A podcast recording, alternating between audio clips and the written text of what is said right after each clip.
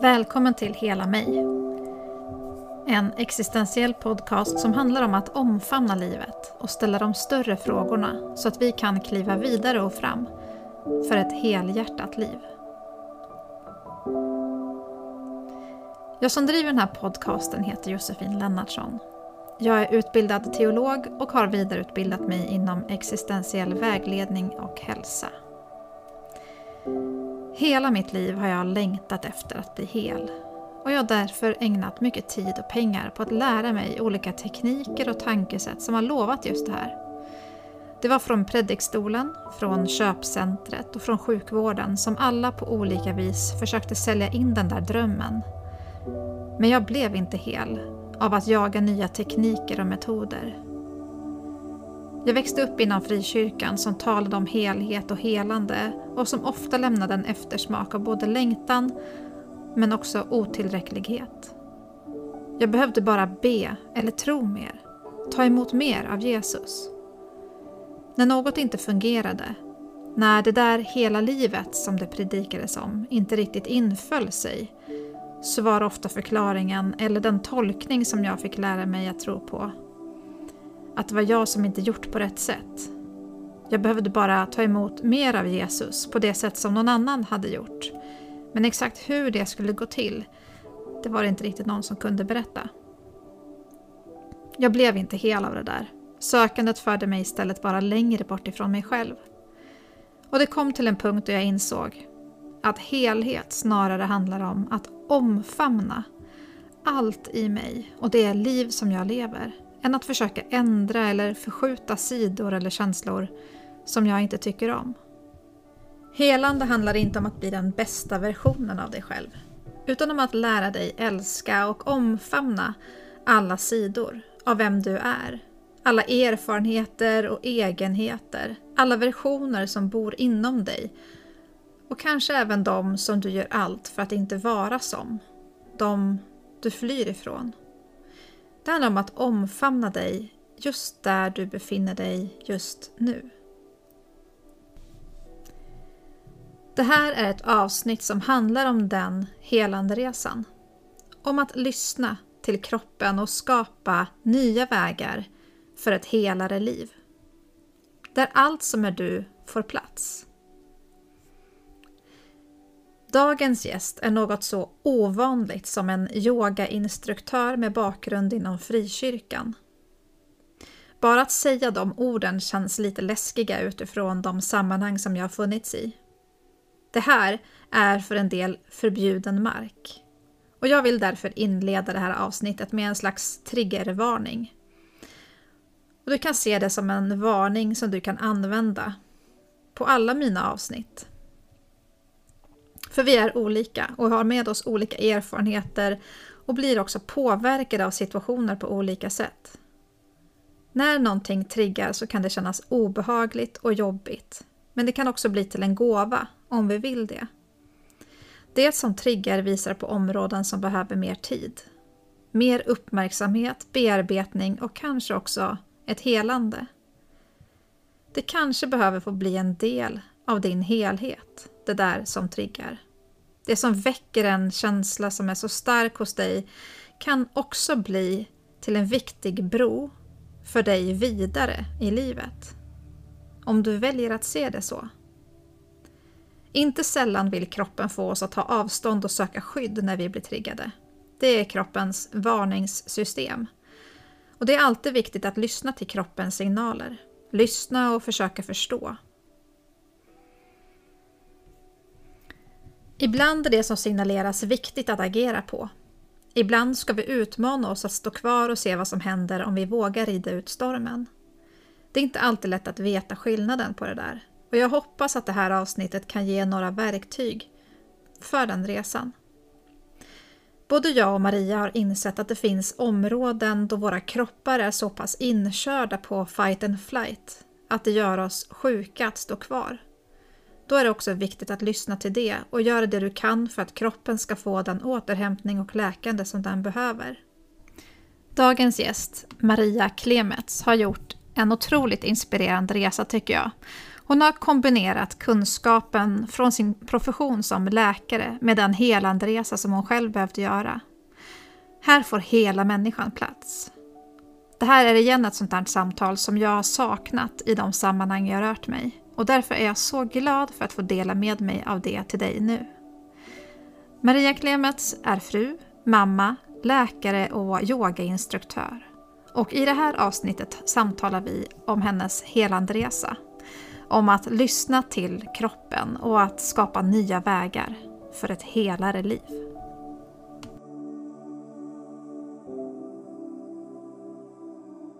Ja, tack så jättemycket för att jag får vara med Josefin i, i din podd. Det känns eh, hedrande. Särskilt med tanke på eh, namnet Hela mig.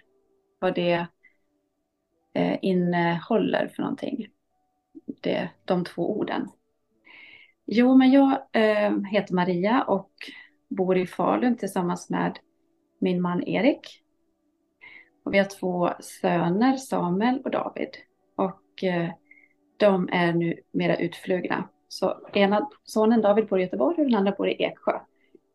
Ehm, jag har under hela min yrkesverksamma tid arbetat som läkare, både kirurg och nu sedan några år tillbaka palliativ vård i hemmet. Och jag nämner det för att det spelar, kommer att spela in i det vi kommer att prata om längre fram. Ja. Och sen så finns det ett stort intresse hos mig och familjen och det är träning i olika former. Och även självledarskap. Ledarskap generellt men senaste åren mer fokus på vad självledarskapet innehåller och vad det kan betyda för mig. Mm.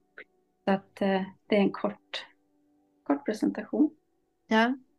Och vi ska ju gå in lite mer på vad du lägger i ordet självledarskap och, och, och sådär. Det är ju lite det vi ska prata om mm. liksom, under, under vårt samtal och det kan mycket väl bli så att det får bli fler samtal för det finns så mycket här. Eh, ja. mm. Vi möttes ju genom, genom din man, han gick en kurs för mig i somras. Så att det, så att vi, det är en relativt ny bekantskap eh, mellan oss. Men vi, vi möttes ju i höstas också över en, en middag där vi kunde dela lite mer av, av våra liv och erfarenheter som vi har gjort. Eh, och du är, ju, du är ju någonting som för mig har varit ganska Alltså jag är jätteimponerad och inspirerad av det och för att jag vet att det här det, det har varit väldigt eh, laddat och nästan lite liksom, det finns så mycket åsikter och känslor kopplade till, liksom, till de här ämnena. Eh, och jag har ju alltid liksom också haft ett stor, en stor dragning både till hälsa och till självledarskap på olika sätt. Eh, mycket för att jag haft ett eget behov av det. Det är ju så det ofta börjar. Liksom. Eh, och du är ju någonting så ovanligt som en yogainstruktör som har en frikyrklig en kristen bakgrund. Liksom. Eh, och så här, hur, hur hamnar du där?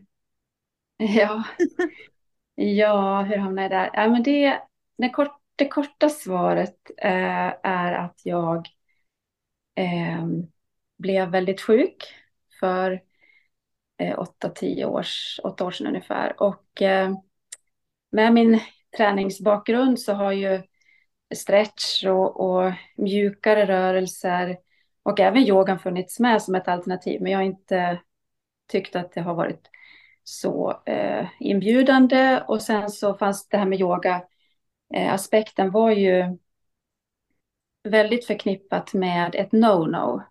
Mm. Men i och med att jag blev sjuk eh, så eh, på den träningsanläggningen där jag dels jobbade som träningsinstruktör själv vilket jag gjort i många år, eh, så fanns det då en kollega som heter Karro som är personlig tränare men också var PT-yoga-lärare.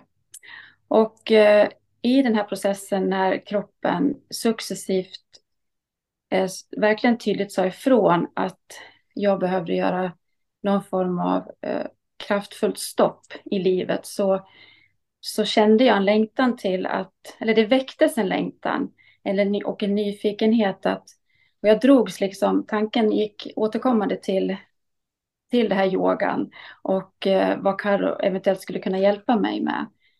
Eh, och minns eh, trappan upp till övervåningen där yogasalen var, den var, det, det var liksom det här no-noet utifrån eh, det som jag har lyssnat till under alla år eh, inom den kristna undervisningen. Så att jag, men jag, gjorde en, gjorde en värdering där och kontaktade henne och vi hade flera eh, PT-träffar då där hon långsamt och mjukt, jag delade med henne min bakgrund, mm. eh, introducerade mig till rörelserna och till att nyfikenhet skapades för vad andetaget kan hjälpa mig med. Eh, då ska man komma ihåg att jag har min, min eh, historik och min kunskap utifrån den västerländska medicinen, där jag har jobbat som doktor också då i alla år.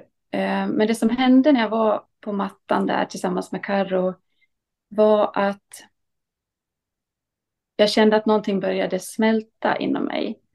Alltså som att is som blir till vatten. Och eh, särskilt när vi gjorde i början, Något av de första gångerna vi gjorde bröstöppningar och när jag gjorde höftöppningar så så kom tårarna eh, stilla, strilandes. Eh, för jag kände hur spänningar fanns i kroppen. Jag blev liksom medveten om det och hur det långsamt fick eh, öppnas upp. Och den upplevelsen var väldigt stark för mig, väldigt betydelsefull, för den gick, den nådde mig ända in mm. djupet. Men parallellt så fanns ju om man kan använda ordet fruktan, men framförallt rädsla då, och en oro. Befinner jag mig på fel territorium? Så jag brottades väldigt mycket med det där initialt och fick också en del kommentarer från kristna vänner som förstod att jag närmade mig det här. Mm. Men jag kunde se vilken betydelse det hade för min läkning och hur det successivt öppnade upp små, små dörrar till inre rum hos mig själv som jag kanske inte alls har haft. Jag trodde att jag var ganska välbekant med mig själv, men, men det finns mer liksom, djupare lager. Så att yogan för mig har betytt oerhört mycket i den bemärkelsen att det är ett av redskapen som jag har för att komma hem till mig själv. Mm. Att lära känna mig själv, att eh, jag kan utveckla det här mycket Josefin. Nästa mm. aspekt är att yogan hjälper mig med rörelserna och i kombination med andetaget att jag får skapa konturer kring mig själv. Om jag drar kopplingen till hur jag har um, levt mycket tidigare och jag gör det fortfarande men jag gör det i mindre utsträckning nu.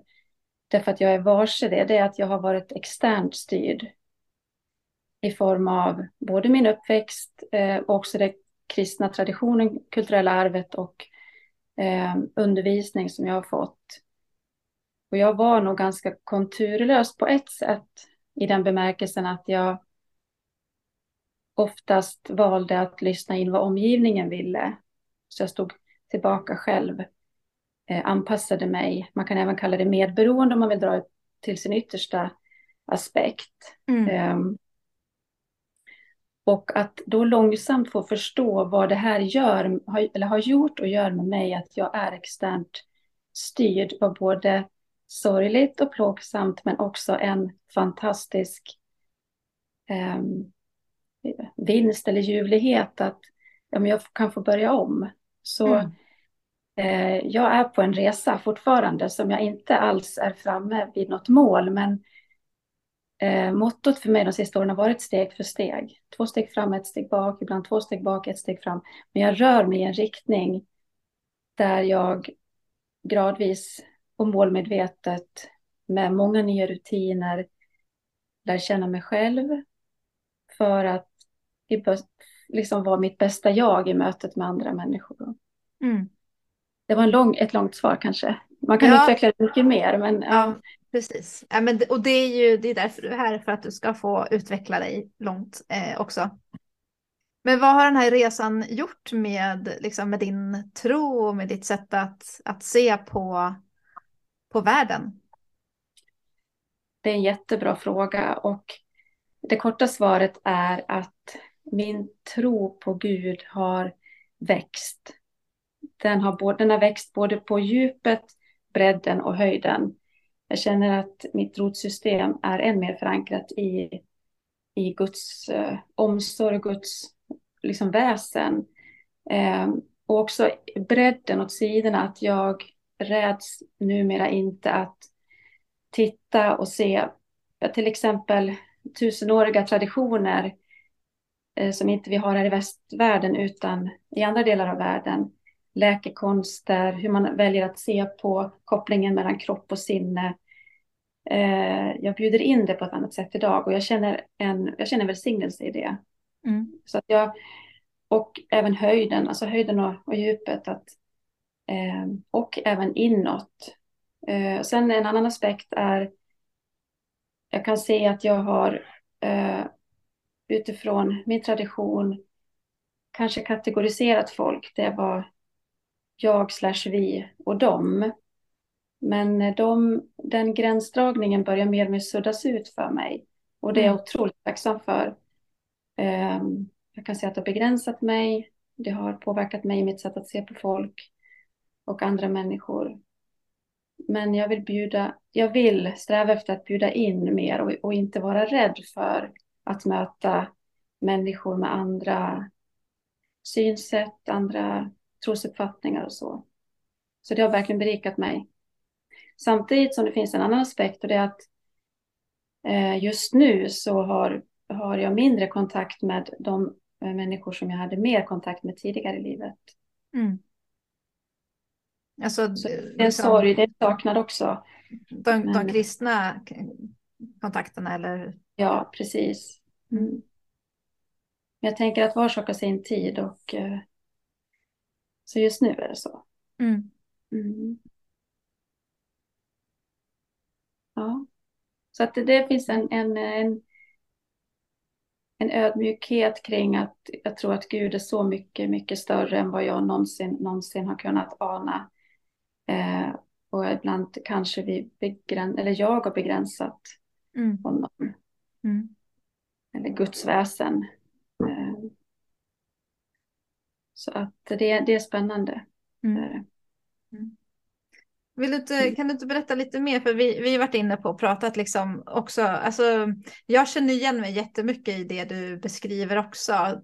Och jag tänker att det är nog många som växer upp i en eh, Liksom, och det behöver inte bara vara en, en, en kristen miljö, men det är ju den erfarenheten som vi har. Men att man blir fostrad att vara externt styrd. Vi blir fostrade i att, att eh, ha andra auktoriteter som bes, bestämmer och beskriver hur vi ska tänka och tro och känna och så vidare. Och för mig har ju det där varit en jättelång resa i att, att eh, tillåta mig själv att vara den jag är, där jag är. Det har varit en jätteviktig liksom, utgångspunkt för mig, eh, viktiga ord för mig att påminna mig om. Eh, men också att eh, alltså att, att, hit, ja, att, att upptäcka sitt ägandeskap över liksom hela mitt inre liv och min erfarenhet där jag, jag har nog kanske smakat på det lite lite liksom under min uppväxt. Eh, och har på många sätt, och det har för mig har det varit en självbevarelsedrift, eh, att jag har alltid rört mig i lite olika sammanhang. Jag har, har varit i olika kristna sammanhang och andra sammanhang och på något sätt alltid kunnat eh, frigöra mig själv ifrån gruppen, vilket har gjort att jag har jag har kunnat vara lite liksom en fri fågel, men det är också alltid gjort att jag har stött i en massa glastak och eh, liksom mött en massa attityder där jag så här i efterhand vet att ja, det var ju andra människors rädsla för min frihet. Eh, ja. så. Men, men det där, liksom, jag tänker att, ja. Eh, det är väldigt speciellt att växa upp i en miljö där vi pratar om frihet, men det vi faktiskt får är någonting annat. Mm. För det är ju inte frihet som, som många upplever som är i den här kontexten. Det är ju inte frihet för att man är otroligt bunden av rädsla och av ja, ord som har sagts av någon någon gång och som har blivit till en sanning. Liksom. Jo, men precis. Så det kan jag identifiera mig med verkligen. Och eh, eh, ja, men jag, alltså, bli, jag, jag fick till mig för, för några år sedan då eh, tre ganska så fundamentala råd som en klok person gav mig. Eh, en gestaltterapeut som jag började gå hos när eh, i början och innan jag blev sådär svårt sjuk. Och vederbörande sa tre råd som jag vill ge dig Maria är att våga säga nej, för det första. Att ta hem mina projektioner. Och tre, att lyssna till kroppen. Och alla de tre handlar ju om att rikta blicken inåt. Om mm. man ska hålla det. Och eh, precis som du säger det här att någonstans ut med vägen så dels fick jag höra begreppet extern styrning kontra intern styrning. Och jag har alltid varit intresserad av begrepp och liksom, som jag säger, ledarskap i olika eh, konturer och kontexter. Så vad betyder det här för mig? Och eh, samtidigt med upplevelsen, parallellt alltså med upplevelserna på yogamattan, eh, förstå att, att jag eh, har haft otroligt svårt att uttrycka vad jag själv vill och att jag faktiskt till och med får säga vad jag vill. Att det faktiskt till och med är en rättighet för mig som människa. Samma person sa efter en tid till mig, eftersom jag berättade att jag var kristen och eh, var medlem i kyrkan och så, så eh, sa han ett bibelord. Eh, han sa, Maria, du känner ju till det här ordet att du ska älska Herren din Gud av hela ditt hjärta och din nästa och så var han tyst. Han ville att jag skulle fylla i som dig själv, som mig själv. Och den gången han sa det så, jag var inte provocerad, men det kom, det vart ett, ett helt nytt ljus kring det bibelordet. För det finns ett förhållningssätt mellan Gud, min nästa och mig själv. Mm.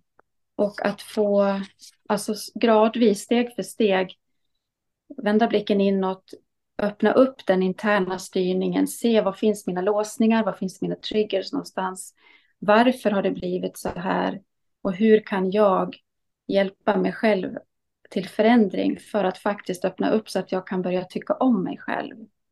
Mm. Att mjukna um, och att jag faktiskt får tycka om mig själv. Mm. Så en del av mina dagliga rutiner numera innehåller korta, korta punkter med både self-love, body love, face love.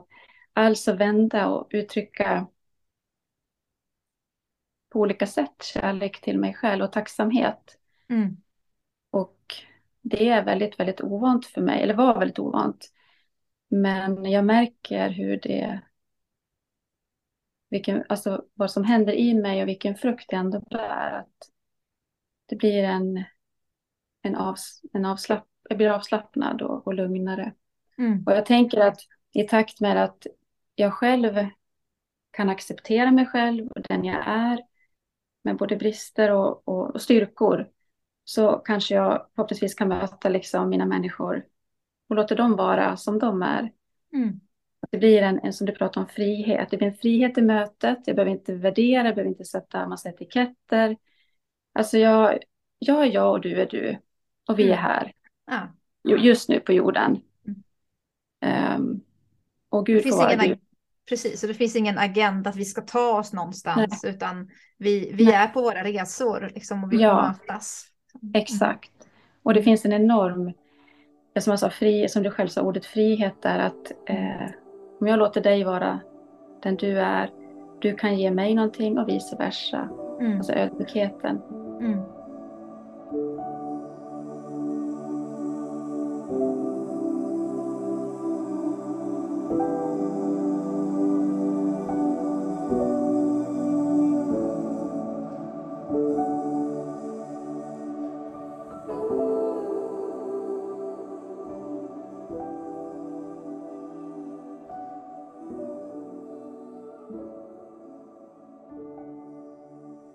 Och även att man ibland behöver ta en paus. Man får liksom ta in på busshållplatsen och sätta sig där och vila lite grann.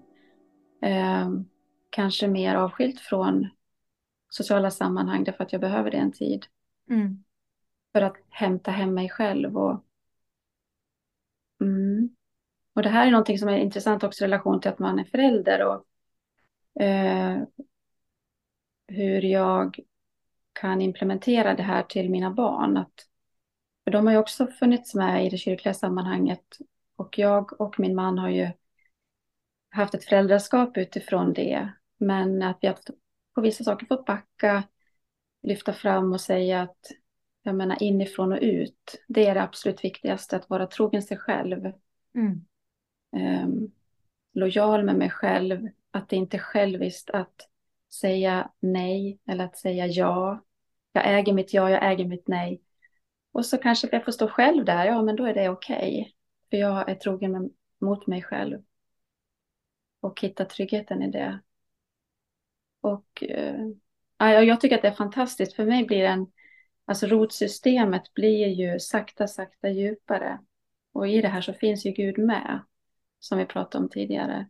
Mm. Så att man tänker sig vårt liv som ett livsträd. Och det finns det också flera bibelord som pratar om det, rotsystemet ner och trädkronan upp. Att, att ibland så är det inga löv kvar för att det är liksom lite höst och det blåser och regnar, ibland så är det grönt.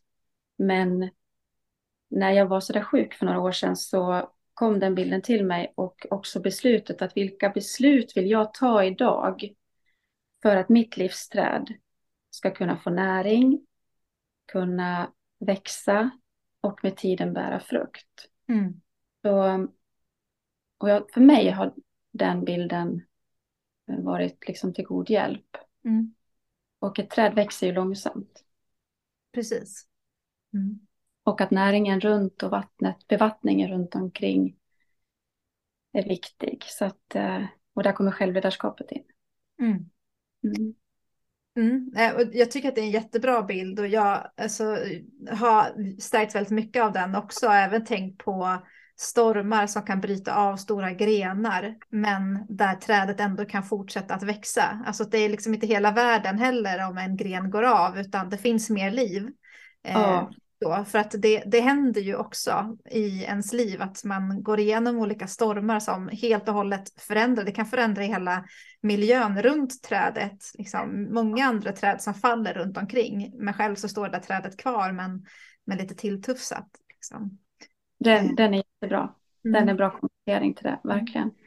Det finns, och även tänker jag årstiderna, att den, den är också så viktig att påminna sig om hur vi ja, men hur vi lever i olika årstider i livet. Liksom, och att det får vara så att det får vara vinter och död under perioder ja. för att det ska kunna komma till en ny vår och en ny blomstertid. Liksom. Mm. Att, men jag tror att för mig har det varit en sån här sak som jag har nog liksom brottats mest med i den, liksom, den kristna kontexten. Att eh, man kan å ena sidan prata en del om det, men om man är involverad och engagerad som jag alltid har varit sedan jag var tonåring så finns det inte utrymme riktigt för, för den processen. Alltså ja, mm. vi pratar om det å ena sidan, men det gäller alltid någon annan på något sätt. Det är liksom, det är något så här, det, det, är aldrig du liksom. Och mm. kombinerat med, med det där så har det också funnits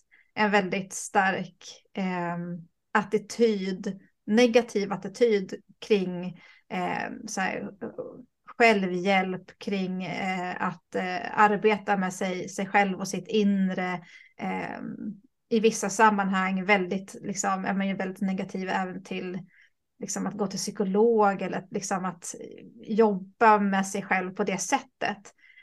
Um, och liksom man kan prata om att det, det, är liksom det själviskt, det är navelskåderi och allt vad man nu kan lägga in i, i det där som ju är så oerhört viktigt för oss. Inte bara för att vi ska må psykiskt bra utan ju också för vårt fysiska mående.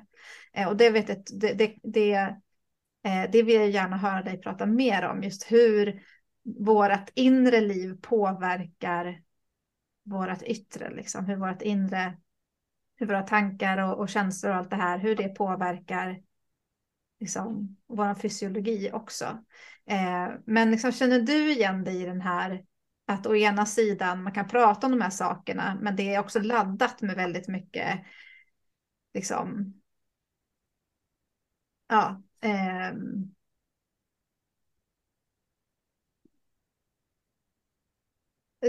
jag tänker att det finns både rädsla och skam och jag vet inte vad det är för någonting som, som man har lagt in i, i eh, ja, vad det är som gör att det är så, så dåligt att fokusera på sitt inre mående, på, på sin egen resa och de erfarenheter som man har samlat mm. på sig. Och, för jag menar, det handlar ju också om att ta ett ansvar för sitt eget liv i grund och botten. Absolut.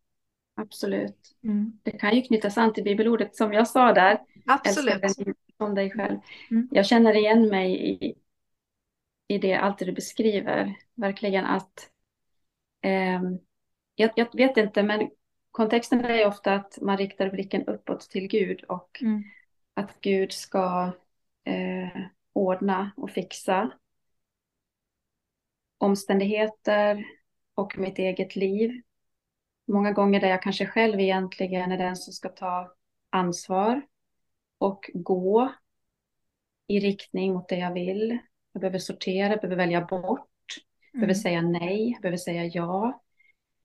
Um, och i, många gånger så blir det ju att man går runt själva liksom, problemet eller utmaningen eller för den del också det som är positivt.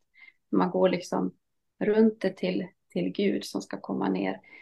Och jag känner verkligen igen mig, för, för, för mig var det otänkbart att ta hjälp av liksom, psykolog och så. Så att när jag väl fick kontakt med gestaltterapeuten så var det även där en otrolig upplevelse insikterna som den här personen förde med sig till mig i mötet, i våra dialoger var ju outstanding i kombination med min tro. Alltså det, var ju, det gick ju hand i hand.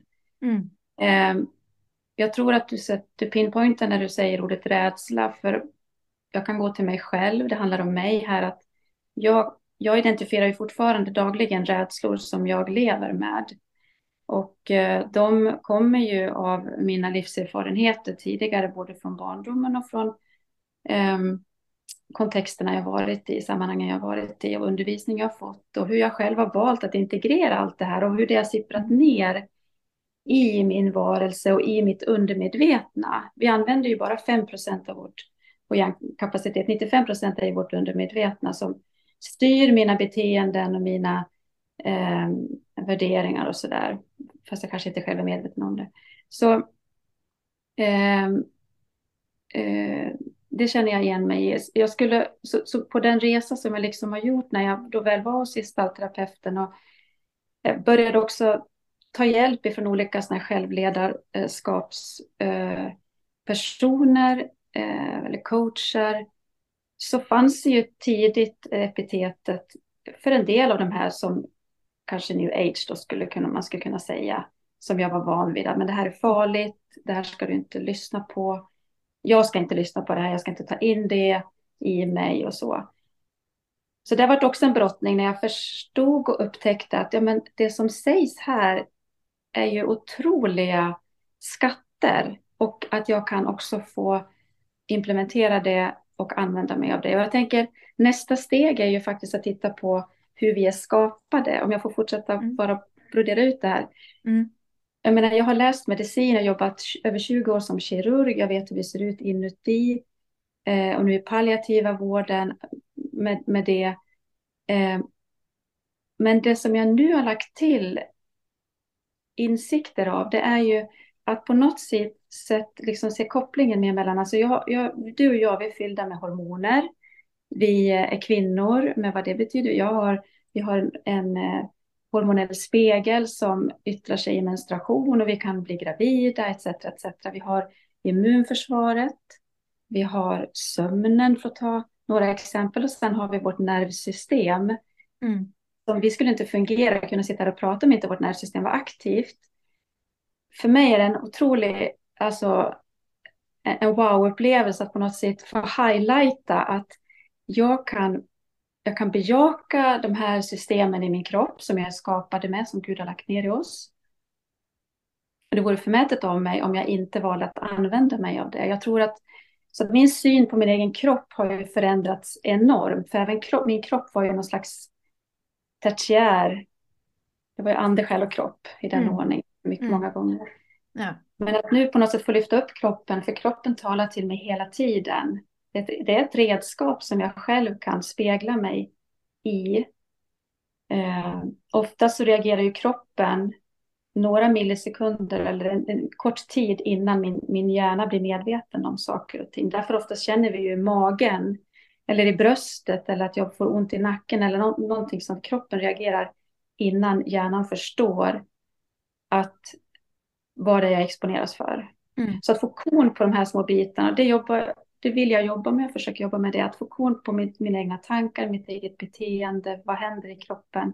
Mm. Och så försöka vara i linje med det. Och det är som du säger, är ju väldigt långt bort från det som jag tidigare levde i och kanske under. Ja. Så Precis. det är en frihet. Mm.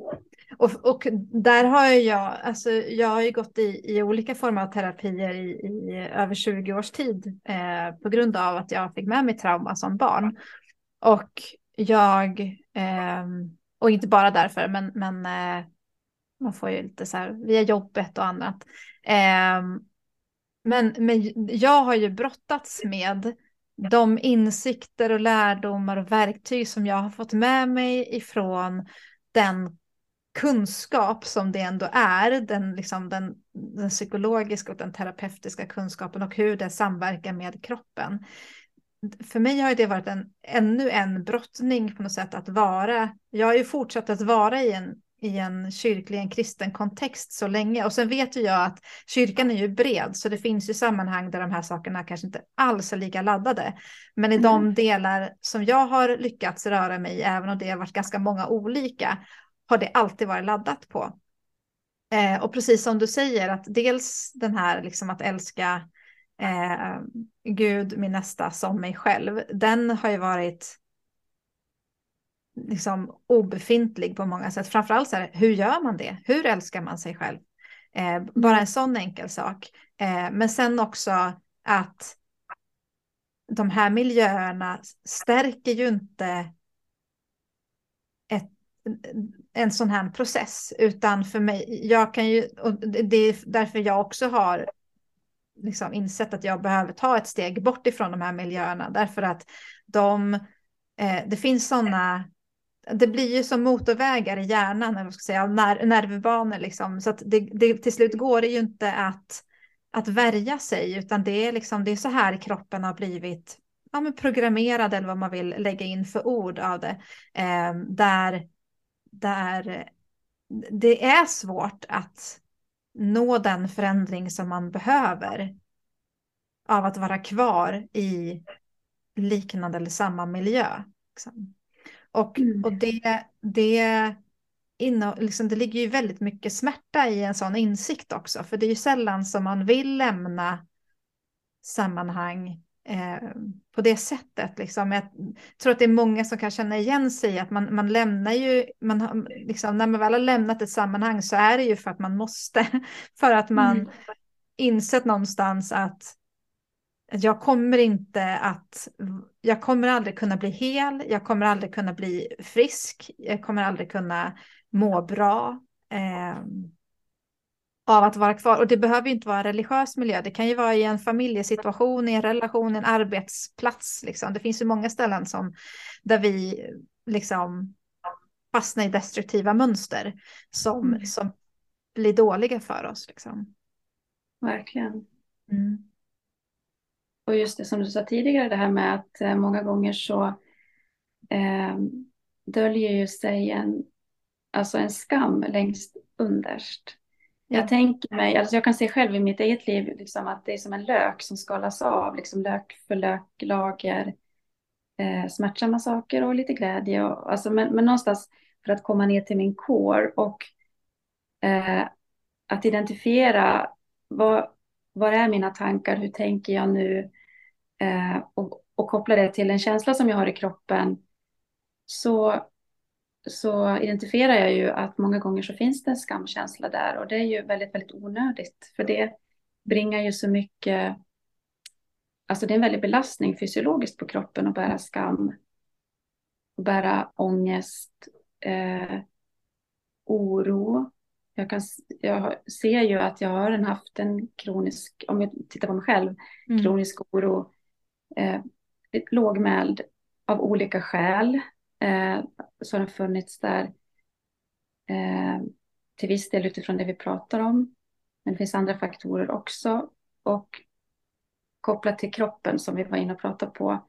Mm. Vad gör det med, med min kropp att jag har en lågmäld oro? Jo, jag är i fight and flight, det sympatiska nervsystemet. Och vad gör det på lång sikt? Jo, det sänker immunförsvaret. Och vad gör det på lång sikt? Så att, återigen, mm. om man kopplar till hur vi är skapta, eh, så de beslut jag väljer att ta idag påverkar ju mitt mående, vare sig jag vill eller inte. Mm. Så jag tycker att det är väldigt, alltså jag kan säga att det finns ett enorm potential att man skulle kunna lyfta upp de här bitarna på många områden och även i kyrkan. Att liksom bredda konceptet och se, ja men så här, så här är vi skapta, så här fantastiskt fina eh, förutsättningar har vi inom oss. Och vad behöver vi göra för att liksom förstärka dem? Att kanske då eh, bjuda in det så att det blir liksom en ja men på tal om hela mig, en helhet liksom mm. för, för välmående. Så eh, det hade jag, jag tror att jag hade mått väldigt, jag menar det hade varit en fördel om jag hade fått med mig det. Nu, mm. nu, men nu tog livet en liten annan vändning och mm. genom två större eh, krascher kan man säga i kroppen så hade jag till slut inget val utan eh, det, så idag, idag är det inte kan jag inte kompromissa längre utan det, det är inte förhandlingsbart vissa saker utan det vad behöver kroppen för att må bra? Vad behöver jag, Maria, själsligt för att, mentalt för att må bra? Mm. Um, så, men ibland tänker jag också det här med, med kyrkan och, och en del mår ju väldigt bra. Jag tänker det, man gör olika resor som, som du säger. Uh, vi har med oss olika saker från början också. Ja. Så det, och det är det som det är väl det som gör det så komplext. Liksom. Mm. Att det, det går inte... Ja, att, att vi... Och så är det i vilket, vilken situation som helst. Det är likadant i en familj så kan eh, liksom, fem olika barn ha helt olika uppväxt.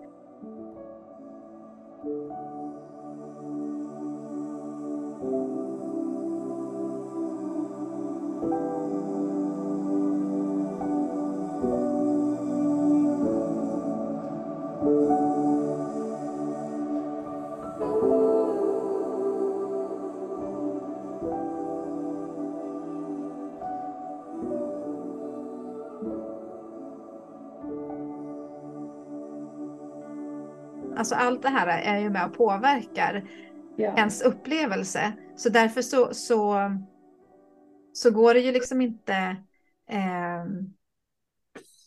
man behöver ju på något sätt möta alla de här sakerna individuellt på något sätt. Eh, och samtidigt som det också går att se ändå lite mer liksom, strukturella nivåer också. Att här finns det ju, precis som du säger, så att, att det hade ju gjort stor skillnad om de här sammanhangen hade öppnat upp sig mer.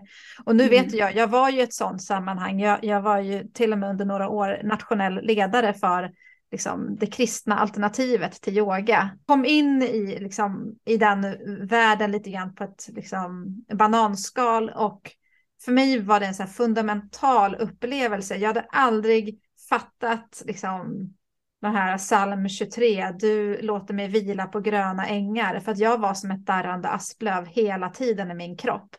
Eh, och så, så blev jag ivägskickad på en kurs som jag skulle gå för att jag skulle vara med i ett projekt. Eh, och, och få lära mig det här verktyget. Eh, och, och det är som att jag för första gången, och jag var ju över 30, för första gången så känner jag hur min kropp slappnar av. Liksom. Mm. Alltså jag, liksom, ja, och att liksom, det var som att det, det var så här, helt plötsligt så, så, så hittade jag en liten stund där det darrande asplövet bara var i vindstilla. Liksom. Och jag förstod inte riktigt vad det var för något. Liksom, och då, då, det, det var ju en sån, och jag vet ju, jag har ju lett utbildningen av den här metoden. Som egentligen, det är ju, det är ju lugna rörelser, precis som det är på sjukgymnasten eller på yoga eller pilates. Det är ju, kroppen rör sig på ett visst sätt, så det finns inte hur många unika rörelsemönster som vi kan hitta på. Eh, men i det här konceptet så var det också blandat med lugn musik och sen så eh, slängde man lite bibelord liksom som ja, tankegods liksom för att kunna liksom, fokusera tanken på någonting positivt och stärkande. Eh, och, men jag tror ju att, att det som var det magiska för mig var ju just det att här skapas det ett rum där det där du får jobba med din kropp, alltså där helheten mm. fanns med mm. från början. Liksom. Det, var, eh, det var helheten som, och det var det som gjorde det så eh, kraftfullt. Liksom. Och, och, det har jag ju märkt i liksom, många som gick kurserna att, att man har upplevt att åh, wow, vad kraftfullt. Och då tänker man att det, det sitter i just det här verktyget. Så bara, nej, det sitter i att helheten äntligen fick rum liksom, mm. att existera. Um, ja, och att eh, det... Jag hade ju önskat att det var ett självklart verktyg som man lärdes ut. Liksom. Jag tycker ju inte att det är något problem att barn får lära sig yoga i skolan. Jag tänker att det är liksom, vi behöver de här verktygen som människor. Mm. Mm. Eh, sen, sen så så eh, behöver vi ju bredda vår förståelse av de här verktygen. För jag tänker att även i yogavärlden så kan det i vissa sammanhang nästan bli lite magiskt tänkande där också. Så att det, det finns ju sådana sammanhang vart man än rör sig. Liksom. Absolut att det gör. Eh, men att förstå hur kroppen fungerar och hur vi kan hjälpa kroppen att tillgodogöra oss eh, positiva impulser som stärker hela vår hälsa, liksom, mm. vår helhetshälsa. Mm. Ja. Det är så viktigt. Det är, det är så viktigt och det, det, det sprutar ju det när du säger det här. Ja. Det finns ju så mycket att prata om. Ja. Jag, jag tänker som en, bara en vinkling på det där eh, som, som jag kopplar själv till, som jag också tog med mig i början eh, när jag närmade mig olika andningstekniker så finns det en teknik som heter Ujjayi-andning. Eh, och den innebär att jag andas ut med näsan och jag tänker mig att jag immar en glasruta. Så det blir ett litet ljud ifrån stämbanden. Det låter så här. Hörde du det? Jag tror det. Kan ah, okay. gång, gör det en gång till. Jag gör det en gång till. Man andas in med näsan. Och sen andas du ut som att du immar en glasruta fast med stängda läppar. Mm. Man hör att du tar i lite. Ja, det blir ett mm. väsande ljud i alla fall. Och det där mm. kan man, och jag själv var lite, det här är nog något, något creepy liksom och lite, det här ska jag inte göra. Men sen tänkte jag efter att det här är ju faktiskt intressant för att våra stämband innerveras av det lugna nervsystemet, det parasympatiska nervsystemet. Och våra stämband eh, eh, när man till exempel opererar sköldkörteln och, blott, och frilägger kring, kring det här området så är man otroligt noggrann att inte skada de grenar som går från eh, de här stora nerv, parasympatiska nerverna just för att man ska eh, slippa bli hes efter en sköldkörteloperation.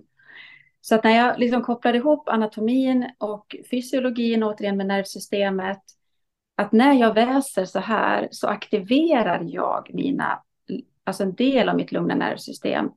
Aha, jag kan alltså hjälpa mig själv att eh, få komma från fight and flight och liksom vara i görande till, till där att gungbrädan tippar till det lugna nervsystemet genom att använda mig av den här andningstekniken. Mm. Och, och att, att, lyfta upp blicken och se att ja, men man, vi kan lägga det på den här nivån, att det faktiskt jag, återigen, självledarskap i hälsan. Jag kan hjälpa mig själv att komma ner i varv. Jag tänker det var någonting av det här som du och de andra upplevde? Liksom, dels skapades ett rum, avsatt tid. Det gäller att skapa tid för mig själv och det som jag behöver göra. Precis. Och det, det som, som du beskriver, liksom när du fick det här darrande asplövet blev lugnt, tänker jag mig, det är ju någon form av lågmäld liksom oro som finns där, som helt plötsligt fick, ja men, det var det parasympatiska nervsystemet som aktiverades och man vet att när man är i rörelse i, tillsammans med andetaget, man kan kalla det moving meditation, du är i rörelse, så, så kommer du så småningom in och blir mer liksom lugn för att det lugna nervsystemet mm. aktiveras. Och jag tänker att pratar man i de termerna så blir det väldigt avdramatiserat. Mm. Det blir tvärtom väldigt intressant. Hur kan jag göra, vad kan jag göra mer för att det finns en hel liksom, verktygslåda med saker jag kan göra för att hjälpa mig själv och hjälpa min kropp. Och som vi berörde tidigare att kroppen, kropp, vi är ju utrustade för överlevnad. Så att min kropp är rustad, nervsystemet är rustat för överlevnad. Ja. Och om det så innebär att jag och du, vi ska vara i fight and flight för att det finns massa yttre hot, då kommer vi vara där. Och jag tänker, ett yttre hot för mig var ju många gånger eh, svårigheter att säga ifrån. Eh, alltså rädslor, auktoriteter, rädsla att göra fel, skam och sådär.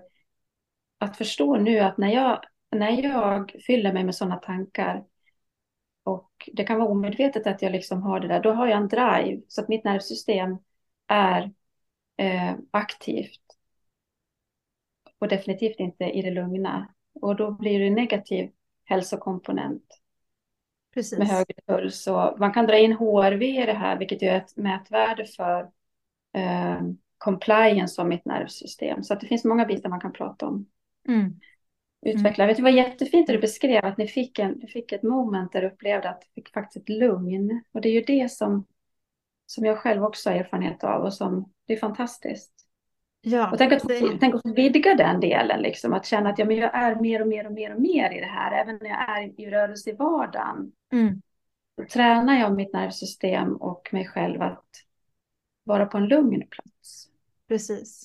Ja, och jag, det, för mig har det också varit så att det, för mig har ju det här aldrig varit i konflikt med min, min tro och min livssyn. Alltså det har ju liksom alltid gått hand i hand och för mig har det också varit, jag har ju själv upplevt det som att det var det Gud som har lett mig. Sen kan man ju nyansera eller så här, jag ser annorlunda på det idag, vad, vad som är vad liksom.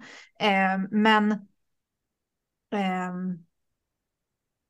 det har aldrig varit en konflikt i mig, utan jag har sett frukten, både det, men jag har också upplevt liksom, någon form av ledning i det. Att det här har ju varit det som har lett mig till, till mer frihet, till frid i kroppen, i, liksom i, i mitt inre.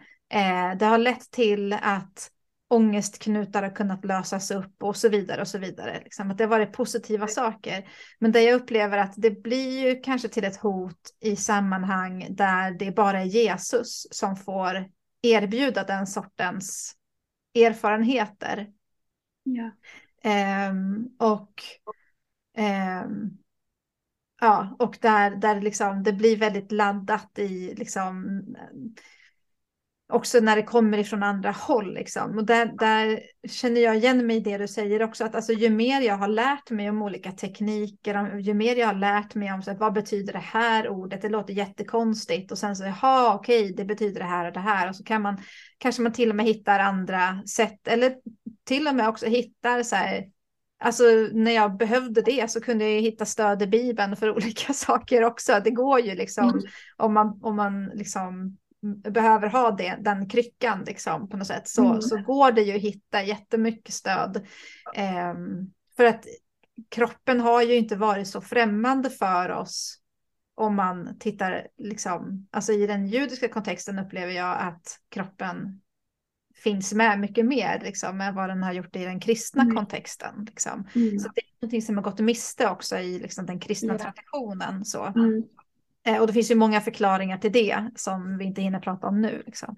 Vi ska ju, tyvärr så behöver vi gå in lite grann för landning i det här samtalet den här gången. Men vi, vi kommer ju behöva prata mer för jag skulle vilja att du ännu mycket mer går in på djupet med liksom, det sympatiska och parasympatiska systemet och, eh, och alla de här sakerna som du har lärt dig. Liksom. Men om vi skulle så här, mm. avrunda, liksom, vad, är det någonting mer som du så här, utifrån det vi har samtalat om som du känner att det här vill jag eh, lyfta fram?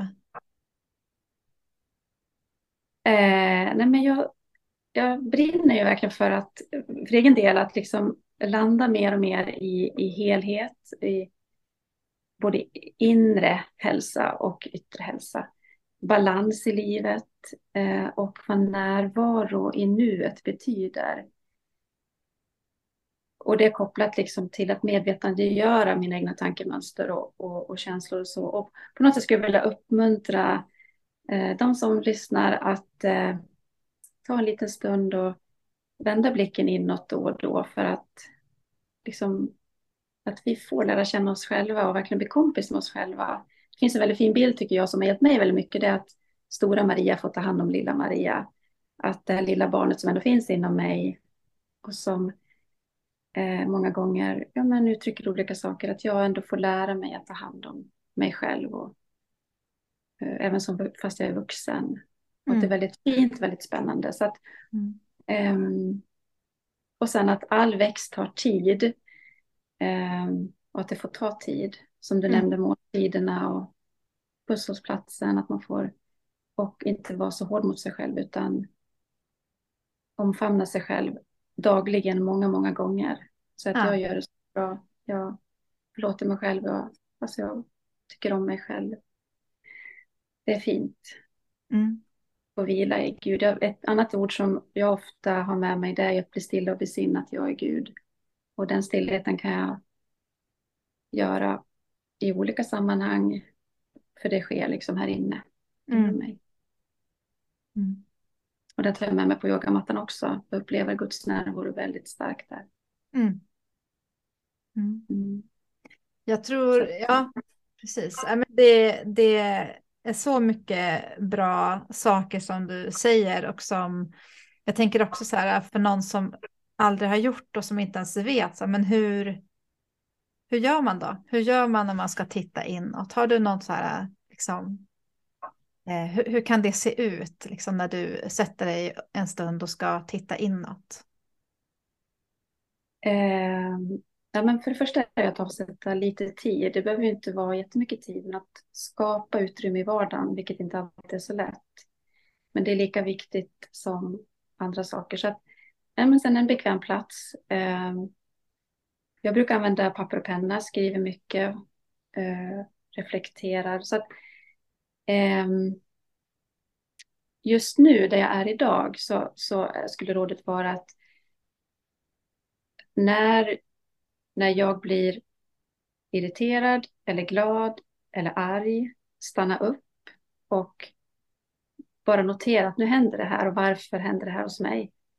Vad är det som triggas i mig? Och det kanske sker på jobbet eller det kanske sker i andra sammanhang. Då kan jag ta med mig den händelsen hem och så kan jag, om jag inte har tid där och då att bearbeta, så, så vill jag ta hand om den känslan och det som händer i kroppen.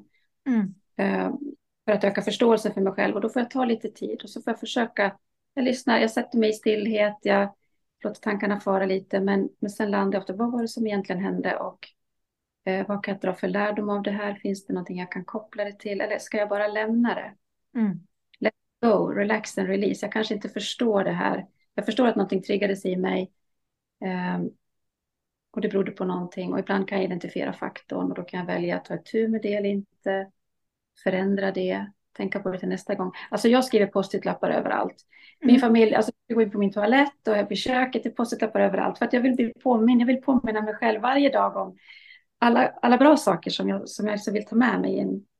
Så att eh, det är också ett tips jag kan skicka med. Sätt upp post-it-lappar med saker som du vill påminna dig själv om.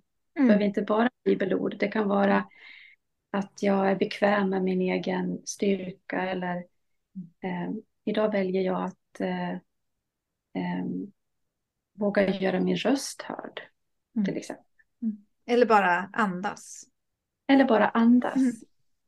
Mm. Och just på utandningen, det, då är nervsystemet det lugna aktivt. Så att ta ett långt, lång djup utandning, det är bra. Mm. Mm. Ja. Ja, Det var ett långt svar på den frågan. Men det är Ja, väl själv, alltså, in- introspektion. Eh, Mm. Jag blir jag bara medveten om, om att jag ska göra det Mm. som en daglig rutin så kommer vederbörande att hitta formen för det. Intros, Mm. Daglig introspektion. Mm. Inte vara rädd för att närma sig själv. Nej, precis. Och där tycker jag, för mig i alla fall, jag tycker att det är ganska bra att kunna ha, eh, alltså vad man ska ha för guide i det. Så, här, så tänker jag, så här, jag brukar prata om längtan, det är ju ganska klassisk, särskilt i en kristen kontext, att prata längtan. Men låt längtan visa vägen. Alltså att längtan, så här, vad är det jag är nyfiken på? Vad är det för någonting som skapar lite pirr i magen eller som får mina axlar att, att sjunka eller där det bara känns som en utandning? Ja, där är det någonting. Utforska det. Var nyfiken och gå vidare och titta på vad det är för någonting. Och, och låt det vara. Alltså man kanske inte behöver vara så strukturerad i nu ska jag ta itu med den här. Utan bara så här, vad händer? Nej. Vara nyfiken, Ja. öppen för vad kommer det att, att, att lära mig? Liksom? Eller vad, Mm. ja, vad hittar jag bakom, den här, bakom det här krönet? Liksom? Precis. Mm. Ja, det finns jättemycket att prata om där. Mm. Ja, ja, men det gör det verkligen. Verkligen. Ehm, mm. Men eh, om man skulle vilja liksom träffa på dig eller möta dig på något sätt eller liksom är du, du har ju sociala mediekonto vet jag och du är på gång med lite. Men kan du inte berätta lite så här hur, om man skulle vilja följa dig eller få, veta mer, liksom, hur, vad gör man då? Eh, ja, men dels har jag ett eh, vanligt Instagramkonto. Eh, där jag just nu heter Maria-Klemets. Eh, det är ett öppet konto så det är bara att följa där. Eh, sen Messenger om det är någon som har någon specifik fråga eller fundering så kan man alltid nå mig där. Via Messenger och Facebook. Sen är jag på gång. Man ska ju helst inte prata om saker som inte redan är i, i fysisk form. Men, men jag, eh, av olika skäl kommer jag förmodligen att starta upp en YouTube-kanal där jag kommer lägga ut lite små eh, olika eh, yogaövningar, andningsövningar, lite föreläsningar och så. Mm. Det är i pipeline så att vi, vi tar det när det kommer, Josefin. Jag, det vet jag inte än, men när det blir, men det ligger i pipeline. Mm. Så Instagram och Messenger, det är nog det bästa. Ja, ja och jag ser fram emot, jag, jag tänker att jag, jag kommer att sprida när, när Youtube-kanalen är igång också. Det är su, super, superbra och viktigt det du gör och eh, stort tack för att du ville komma och gästa mig idag. Tack så jättemycket. Tack. Tack. Du har lyssnat till Hela mig. En existentiell podcast och ett samtal mellan mig och Maria Klemets om att lyssna till kroppen och att skapa nya vägar för ett helare liv. Det finns flera sätt som du kan vara med och stötta mitt arbete med den här podcasten. Du kan gilla och betygsätta den i den app där du lyssnar på podden. Du kan följa podcasten i sociala medier samt gilla och dela de inlägg som jag delar där. Och du kan också skicka en gåva via Swish till det nummer som jag delar i avsnittsinformationen om du skulle vilja det. Du får också gärna höra av dig via kommentarer eller direktmeddelanden för att dela tankar, reflektioner eller reaktioner på det som du har lyssnat på.